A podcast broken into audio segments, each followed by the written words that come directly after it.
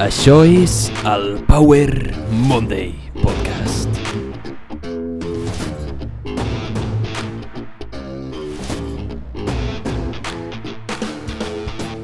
Benvinguts al Power Monday Podcast, sóc en Pau, el teu apassionat de fitness, inspiració i ciència, i espero que hagis passat una setmana increïble. En aquest episodi parlarem del minimalisme, de com més és menys, i en la segona part d'aquest episodi parlarem d'una cosa fascinant, un fet que passa a la naturalesa, que és el superorganisme. Què són, com es construeixen, i alguns exemples que et deixaran boca badat. Som-hi.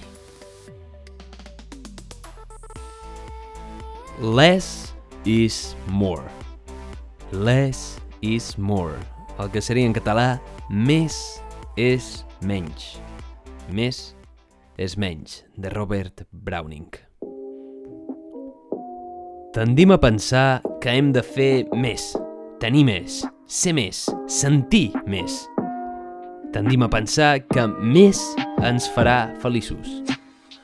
Compliquem les coses i busquem solucions complexes als nostres problemes. Intentem solucionar les coses fent més, fent molt més, arribant més enllà. Però i si no es tracta de més, sinó de menys? Simplificar és trobar allò que és essencial i bàsic i desfer-se de la resta. Segons Da Vinci, la simplicitat és la sofisticació definitiva. I de fet això s'observa molt tant en arquitectura com en art, però menys és més no fa referència només a l'art i a l'hora de crear coses, sinó a la manera de viure i de tenir un punt de vista minimalista. Alguns pensaran que ser un minimalista és ser un radical, però en realitat és ser pràctic i ser conscient del que és essencial i bàsic i deixar anar la resta. Alguns et dirien que el més adequat és aplicar el principi de Pareto. El principi de Pareto ens diu la regla del 80-20, on normalment el 80% dels resultats provenen del 20% de les nostres accions. Així que simplificar ens permet viure una vida més present, perquè ens ajuda a centrar-nos en allò que és realment important. Centrar-nos en allò que realment aporta valor a la nostra vida. I com que aquest episodi va de menys és més, aquesta part serà molt curta i acabarem una pregunta per tu. Com podries ser millor la teva vida amb menys? Com podries fer que la teva vida fos millor amb menys? I ara anem a per la segona part. Has observat mai un niu de formigues atentament? O potser algun rus d'abelles? o alguna població d'insectes. I és que sempre m'ha fascinat el seu comportament i com viuen en societat, on hi ha una casta reproductora i una casta treballadora. Aquest fenomen tan increïble que veiem a la naturalesa es coneix com eusocialitat. Alguns autors es refereixen a aquests grups o conjunts de poblacions com a superorganismes. Què és això dels superorganismes? Doncs bé, bàsicament són un grup d'organismes que estan tan ben organitzats i estretament units que han desenvolupat col·lectivament trets els quals recorden a trets que trobem exclusivament a organismes normals i veritables, com nosaltres. És com si aquest conjunt de formigues tinguessin òrgans i sistemes clarament marcats quan s'uneixen que permeten al superorganisme, és a dir, a la població, mantenir la seva supervivència i que, aïllats, són incapaços de sobreviure. Veiem, doncs, que en aquestes poblacions existeix un sistema reproductiu, un sistema de defensa, de comunicació, d'obtenció de recursos i que cada formiga té la seva funció. I a més, igual que els nostres teixits i cèl·lules, cap formiga pot sobreviure sola i aïllada del seu superorganisme. No hi ha gaires conjunts d'organismes que poden entrar dins de la definició de superorganisme. De fet, són més aviat l'excepció que la regla, però hi ha un grup, els insectes eusocials, que és el que en trobem amb més abundància, majoritàriament del gènere Hymenoptera, on hi ha les formigues, les abelles i també les vespes. Eusocialitat significa el nivell d'organització social més elevat que es pot donar en certs animals, incloent insectes, crustacis i mamífers. Bàsicament, el prefix eu vol dir bo. És la millor societat, per dir-ho així. Els superorganismes s'organitzen de puta mare. Per algú es diuen superorganismes, eh? El super no el donen a qualsevol. Llavors, un que destaca clarament són les formigues talladores de fulles.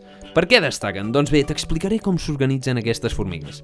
Aquestes formigues tenen una sola reina, que viu 15 anys, que dona llum a tota una colònia que pot arribar a tenir milions d'integrants després de reproduir-se o aparellar-se amb només 5 mascles, on emmagatzema tot l'esperma dins seu i després va donant a llum al llarg del temps. Per tant, aquest és l'òrgan reproductor, té les funcions reproductores. Els descendents d'aquesta reina s'especialitzen i creen una línia de producció on talen i porten al niu fulles dels arbres. Dins de la línia de producció hi ha diferents treballadors, podríem dir-ho així, que compleixen diferents funcions a l'hora de retallar estructures més gruixudes o més primes i transportar les fulles, que les porten al niu. Però espera, espera, per què porten fulles al niu si les, les formigues no són herbívores, no? Doncs atenció, perquè dins del niu conviuen simbiòticament amb un fong que digereix les fulles que les formigues els alimenten. I aquest fong no pot sobreviure de cap altra manera i aquestes formigues tampoc. Per tant, això és el seu sistema digestiu. Així, les formigues poden absorbir els nutrients que tenen les fulles.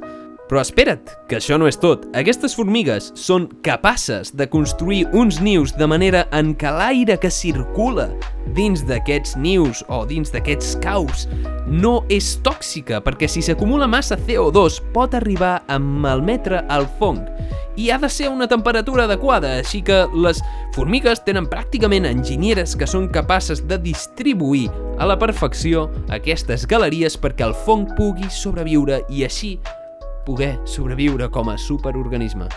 Sorprenentment, aquestes formigues s'estableixen com el principal herbívor de l'Amazones en quant a biomassa, perquè són capaces de consumir moltes i moltes fulles, perquè hi ha moltes i moltes formigues. A la descripció pots trobar enllaços a vídeos que veuràs sobre les formigues talladores de fulles. Però aquestes formigues no són l'únic organisme eusocial definit com a superorganisme. Hi ha unes altres formigues que també són superfascinants que tenen una organització brutal.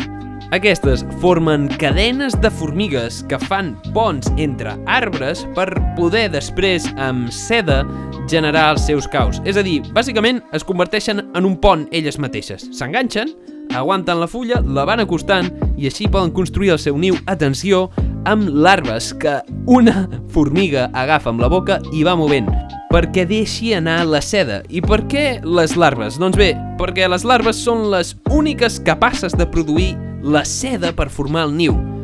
Una cosa molt curiosa i molt estranya que també et deixo vídeos en la descripció.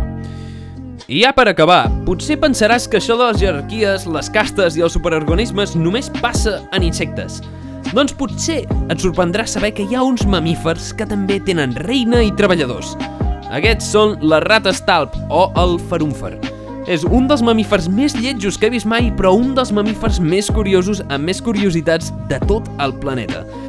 Bàsicament, aquests mamífers estableixen una reina i uns treballadors que fan els túnels. La reina apareix i dona fruit a la prole, als fills, i els treballadors fan túnels. I dins dels treballadors també hi han certes jerarquies. Et deixo més vídeos perquè observis aquest fascinant individu que, a més a més, és probablement immune al càncer. Atenció, perquè això pot ser interessant per nosaltres. I per últim, i ja finalment, pensa que probablement tu siguis un superorganisme, fruit de la cooperació de bactèries, virus i fongs amb les teves cèl·lules, tot dins teu. Recorda que tens més cèl·lules bacterianes, per número almenys, que cèl·lules humanes. Això també dona que pensar. I això és tot per aquest episodi. Moltíssimes gràcies per haver escoltat aquest episodi. Espero que t'hagi agradat molt o t'hagi aportat una mica de valor. Recorda, si t'ha agradat, si us plau, comparteixo amb els teus amics, amb les persones que creguis que els hi pugui interessar. No oblidis posar-me a seguir a Spotify o a qualsevol plataforma de podcast que m'estiguis escoltant i també em pots trobar a Power Monday Show a Instagram. En aquest episodi hem parlat com menys és més. I la pregunta que tinc per tu és molt important. Com podria ser la teva vida millor amb menys?